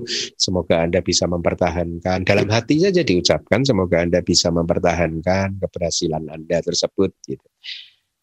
Kalau ada seseorang yang Anda sudah membantu berkali-kali tetap saja tidak berhasil ya, anda sudah arahkan ke sini dan ke sana tetap saja tidak berhasil, maka pada saat itu Anda eh, memanfaatkan situasi seperti itu untuk mengembangkan UPK. Kenapa ini harus dilakukan? Minimal manfaat yang eh, yang yang yang bagus yang bisa didapatkan adalah Anda tidak akan marah-marah terhadap dia begitu. Anda cara mengembangkan UPK itu ya sabi sata eh, kama saka semua makhluk itu adalah pemilik dari karmanya sendiri, pewaris dari karmanya sendiri.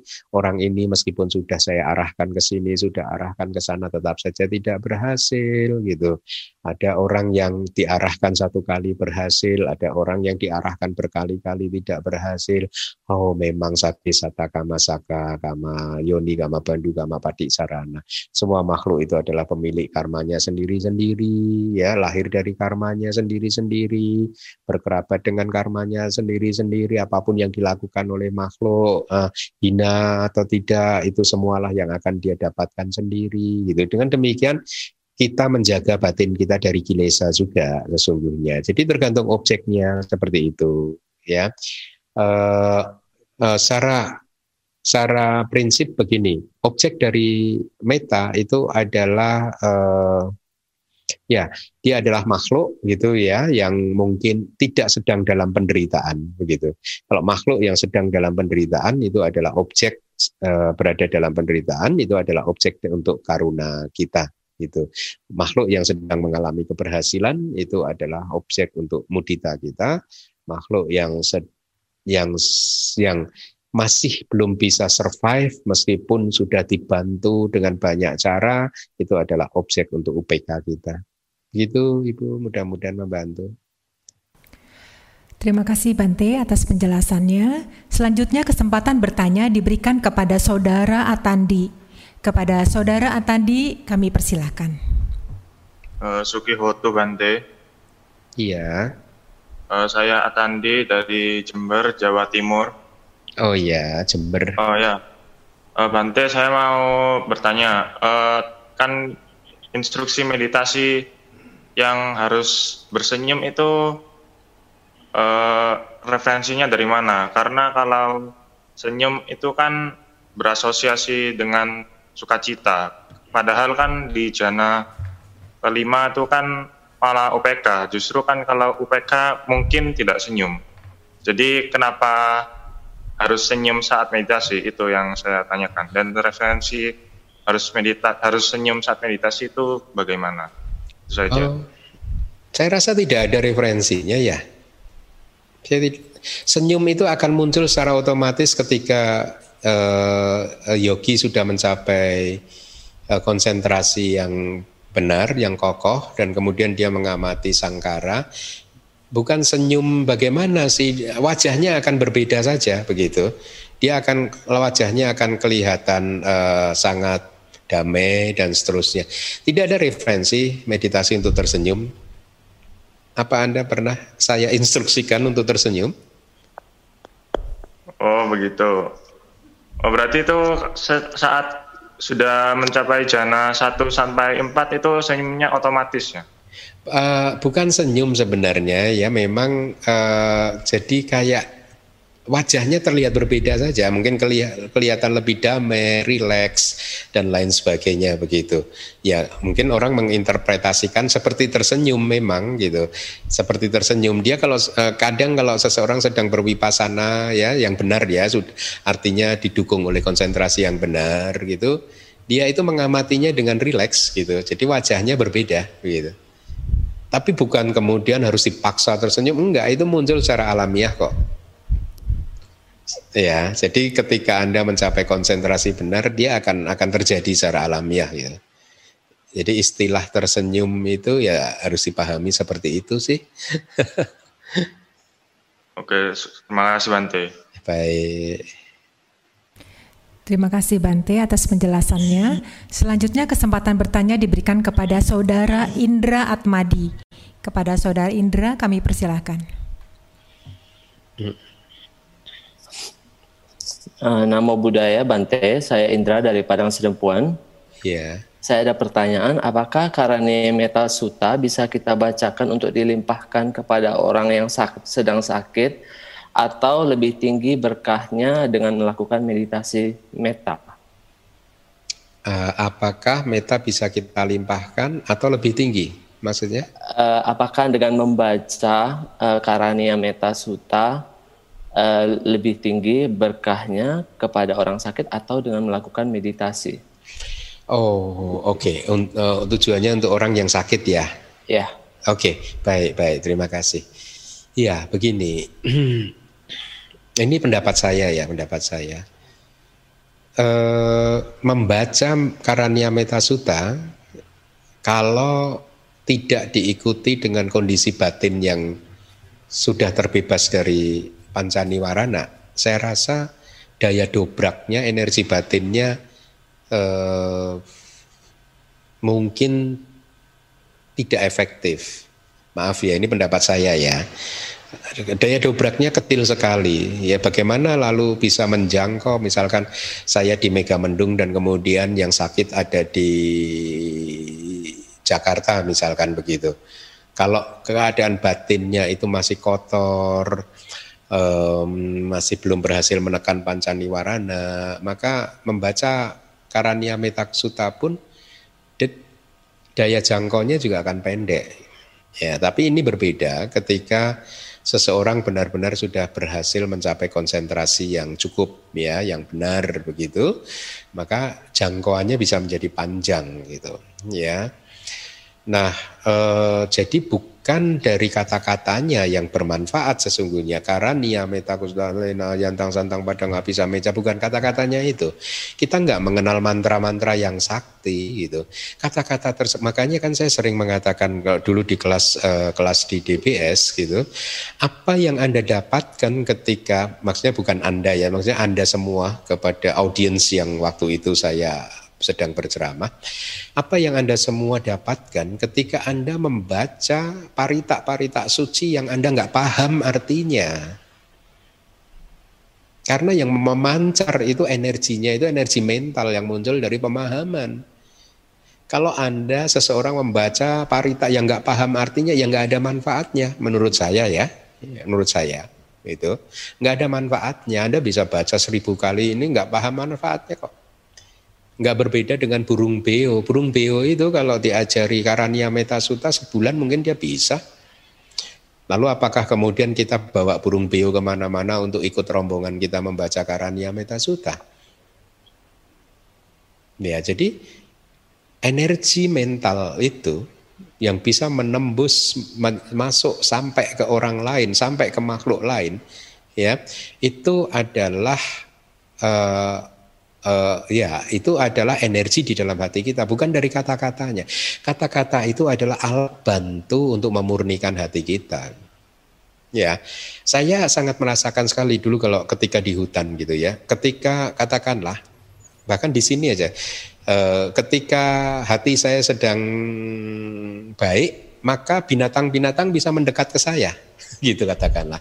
Tapi kalau nanti hati saya sedang tidak baik, binatangnya lari. Ketika ketemu saya lari gitu.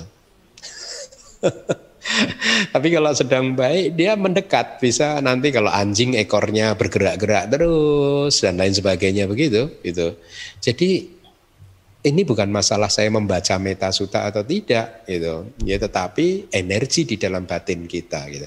Nah, jadi teks metasuta itu dimanfaatkan sebagai alat bantu untuk memunculkan energi pemahaman yang benar eh, sesuai dengan arti dari metasutanya tersebut dan kemudian dari energi yang uh, sudah uh, dilandasi oleh pengertian yang benar tadi itu kita pancarkan seperti itu. Nah, jadi kalau kemudian ditanyakan mana yang lebih kuat, ya saya rasa harusnya yang meditasi yang lebih kuat ya. Gitu karena kalau tapi kembali lagi gitu. Saya itu karena banyak sering bertemu dengan umat itu jadi sering sekali harus berhati-hati di dalam mendefinisikan begini Pak Bapak. Saya pernah mendengar gitu uh, umat itu berkata hmm, Iya itu, eh, nggak uh, usah terlalu banyak belajar lah. Kan Buddha menganjurkan kita harus meditasi. Pariyati itu tetap saja uh, masih lebih bagus adalah pati-pati, meditasi. Jadi menurut orang ini, umat ini, ya nggak usah belajar karena ada yang lebih baik. Langsung saja ke meditasi gitu ya. Pariyati nggak penting, langsung saja ke meditasi. Secara teori benar, secara teori benar bahwa belajar meditasi itu lebih tinggi, uh, lebih bermanfaat dari uh, bermeditasi. Tetapi yang ingin saya sampaikan, ya, kalau Anda pernah ikut retret, Anda pasti mengerti retret 10 hari, berapa hari kilesa Anda muncul selama retret. Ada orang yang selama 10 hari, setiap harinya kilesanya muncul kuat sekali selama retret. Ada. Dia statusnya sedang retret, statusnya sedang bermeditasi, tetapi selama meditasi yang muncul kilesa. Ya. Ada suara sedikit marah, ada ini sedikit marah, ya e, malas, nggak mau menyapu, nggak mau melakukan tugas dan itu kan karena kilesa, kemalasan kan terus macam-macam. Jadi status dia sedang bermeditasi, sedang retret 10 hari, tetapi realitanya selama 10 hari itu dia memunculkan kilesa terus. Nah sebaliknya Anda sekarang mendengarkan pariyati, semua orang sedang mendengarkan pariyati selama dua jam ini, tapi kilesanya nggak muncul. Nah, dalam dua contoh ini mana yang lebih bagus? Mendengarkan pariyati atau orang yang tadi retret? Kalau menurut saya lebih bagus mendengarkan pariyati daripada retretnya orang tadi Gitu. Kenapa? Karena selama dua jam pariyati ini Anda nggak memunculkan kilesa. Tetapi orang tersebut 10 hari memunculkan kilesa ter, ter, yang seperti yang saya katakan tadi. Jadi bisa nggak disimpulkan, oh ternyata pariyati lebih baik dari pati-pati. Nggak bisa juga. Jadi kita harus apple to apple. Pariyatinya yang bagaimana, patik-patiknya yang bagaimana. Nah, patik-patik dikatakan atau praktek meditasi dikatakan lebih baik dari pariyati kalau Anda mencap berhasil mencapai uh, konsentrasi yang benar dan kemudian Anda berhasil berwipasana. Itu lebih baik dari pariyati. Tapi kalau masih belum berhasil itu ya status saja dia meditasi. Tetapi adalah kilesanya muncul terus. Jadi kalau dalam konteks yang ini pariyati lebih baik dari retretnya orang tersebut. Begitu ya. Jadi eh, kira-kira seperti itu Bapak eh, bagi saya ya. Ini pendapat saya. Eh, meta itu masalah energi mental kok. Ya kadang, kadang seperti yang saya tadi ceritakan karena saya tinggal banyak binatang kan di sini juga itu eh, saya merasakan kalau hati saya sedang baik itu anjing-anjing itu pada menya, menghampiri saya gitu. Tapi kalau hati saya sedang nggak baik meskipun saya bawa makanan anjingnya nggak muncul. gitu kira-kira begitulah. kira-kira begitu. Jadi masalah energi di dalam mental kita, masalah kualitas batin kita gitu ya. Bukan masalah mantra, bukan masalah syair, teks dan lain sebagainya. Buddha Terawada ya, ajaran Terawada tidak mengajarkan mantra-mantra. tidak ada mantra-mantra. Yang ada ya seperti yang sudah kita pelajari di kelas pariyati ini. Demikian mudah-mudahan jelas. Anu mudahnya Bante. Iya. Terima kasih Bante atas penjelasannya. Selanjutnya kami persilakan kepada seluruh kalian mita yang ingin bertanya tidak melalui ruang chat namun langsung uh, raise hand sehingga host akan menunjuk Anda untuk unmute dan Anda langsung mengutarakan tanpa melalui chat.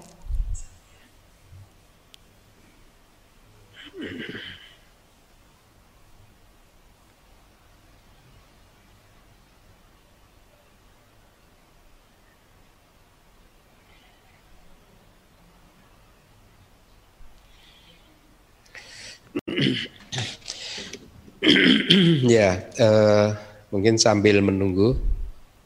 Oh itu ada yang raise hand. Oke. Penanya berikutnya kami persilakan kepada Saudari Suyanti Samat. Kepada Saudari Suyanti kami persilakan. Uh, Wanda Bante, uh, saya yeah. Suyanti dari Jakarta uh, yang mau saya tanyain. Saya kok kurang kan, mendengar ya. Suaranya diperkeras, Bu. Oke, okay. uh, eh, kedengaran? Sorry. Lebih lumayan, uh, lebih lumayan. jelas okay. lagi, Bu. Okay. Boleh lebih dekat lagi dan lebih diperkeras okay. suaranya. Oke. Okay. Uh, tadi kan Bante ada uh, jelasin bahwa kalau misalnya seseorang udah mencapai tapana, maka dia akan uh,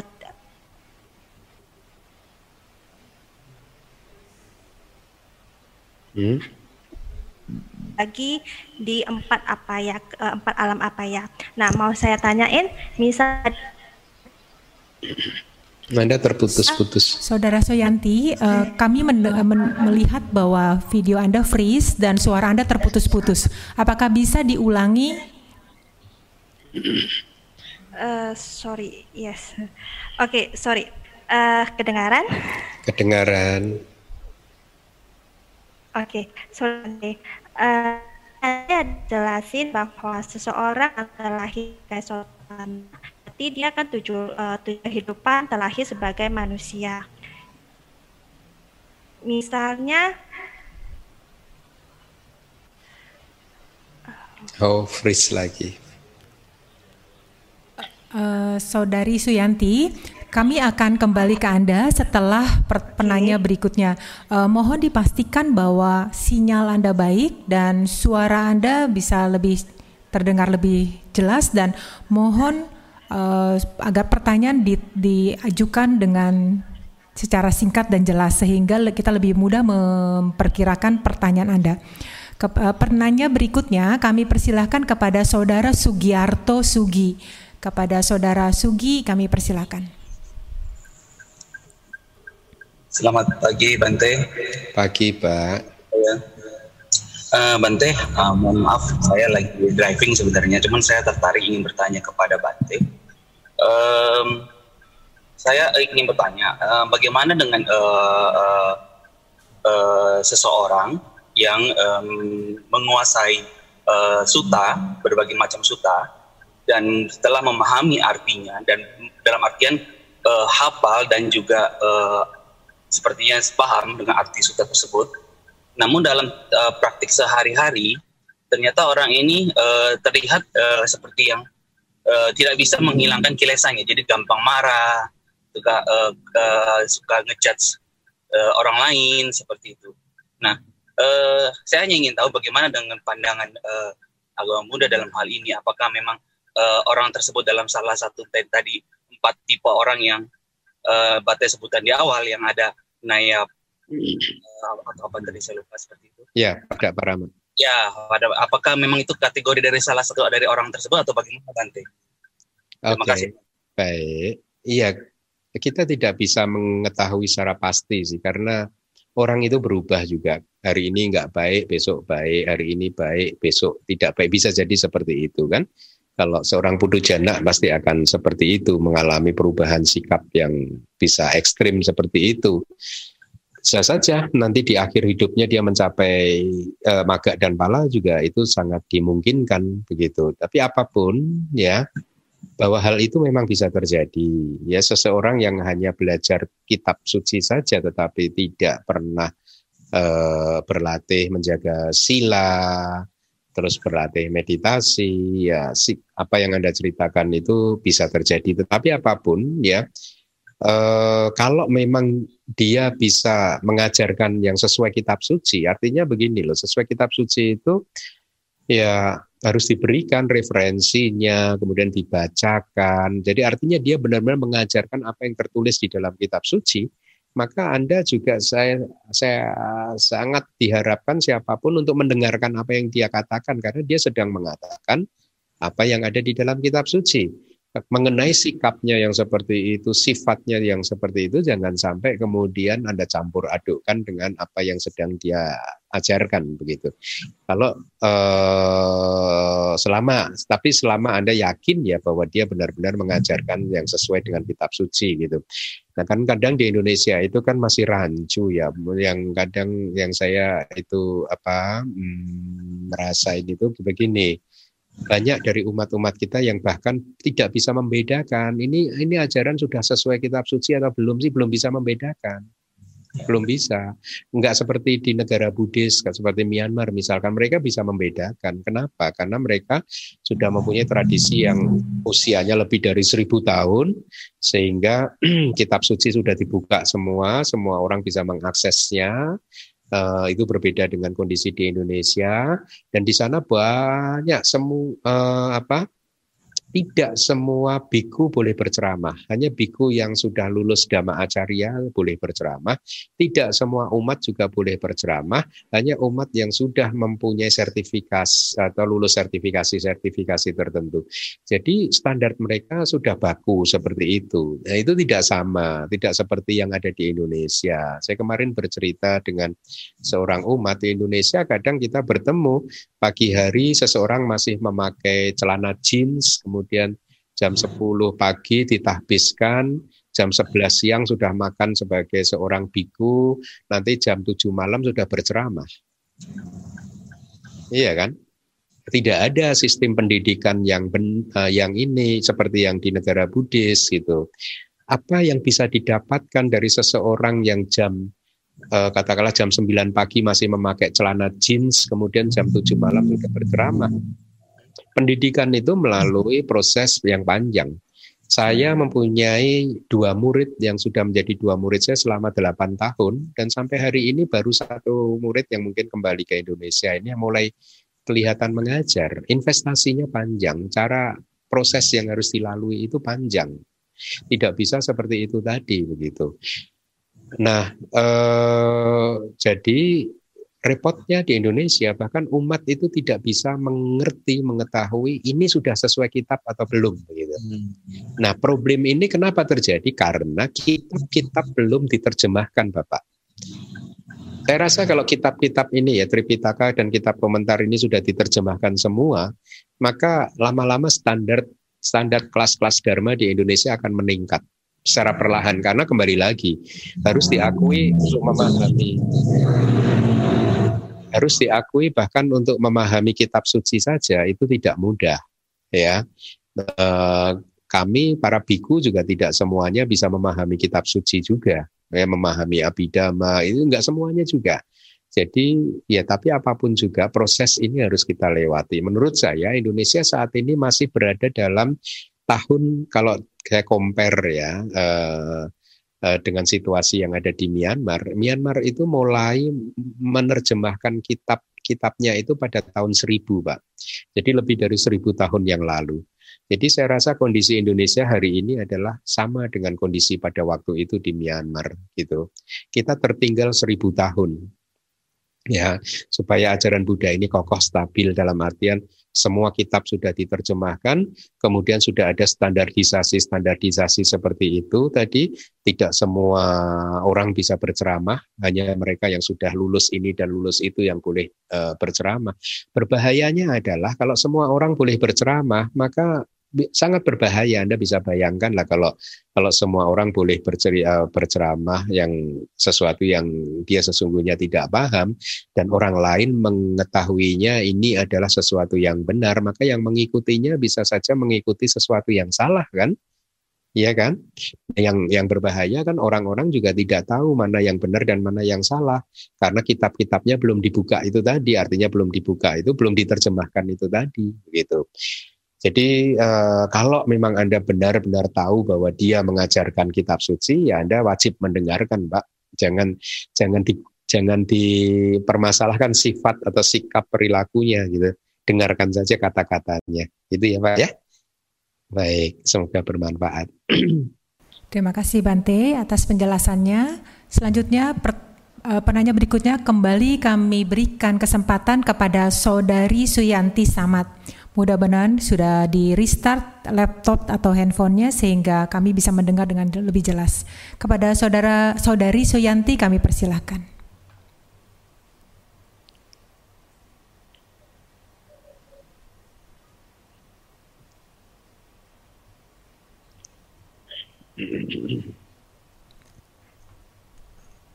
Oke, uh, maaf Bante Sukihotu. Nah, tadi, mau saya tanyain, Uh, tadi kan Bante ada tanya uh, ada jelasin bahwa seseorang yang terlahir sebagai sotapana uh, maka dia uh, tidak akan terlahir lagi ke empat alam apa ya. Nah, misalnya pada uh, suatu kehidupan ketiga si sotapana itu melakukan suatu kesalahan. Nah, apa uh,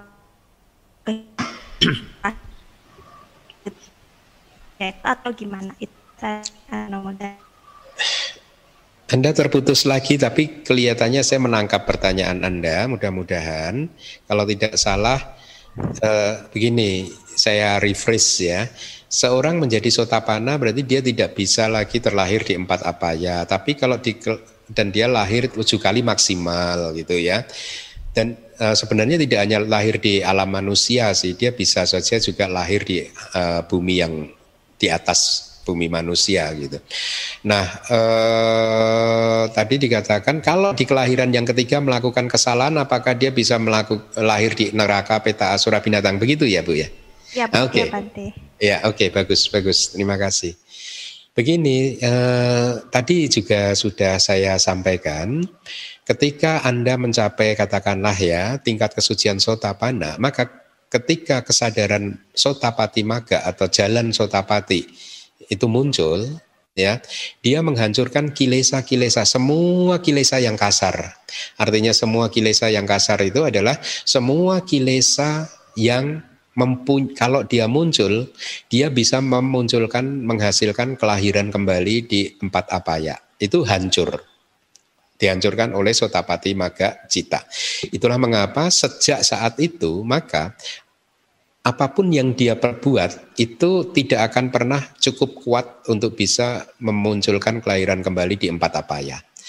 Nah kesadaran jalan sotapati tadi tidak hanya menghancurkan tendensi ke masa depan, tetapi dia juga menghancurkan semua karma-karma masa lalu yang mempunyai kekuatan untuk menghasilkan kelahiran kembali di empat apa ya.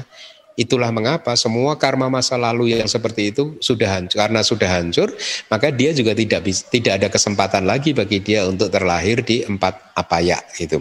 Jadi di kelahiran ketiga, keempat katakanlah dia melakukan karma buruk, karma buruknya itu tidak cukup kuat untuk membuat dia terlahir di empat apa ya, Bu. Makanya dulu kalau saya sering mengatakan kepada umat-umat di DBS gitu ya, eh, jangan melakukan karma buruk dulu lah gitu sebelum menjadi sotapana.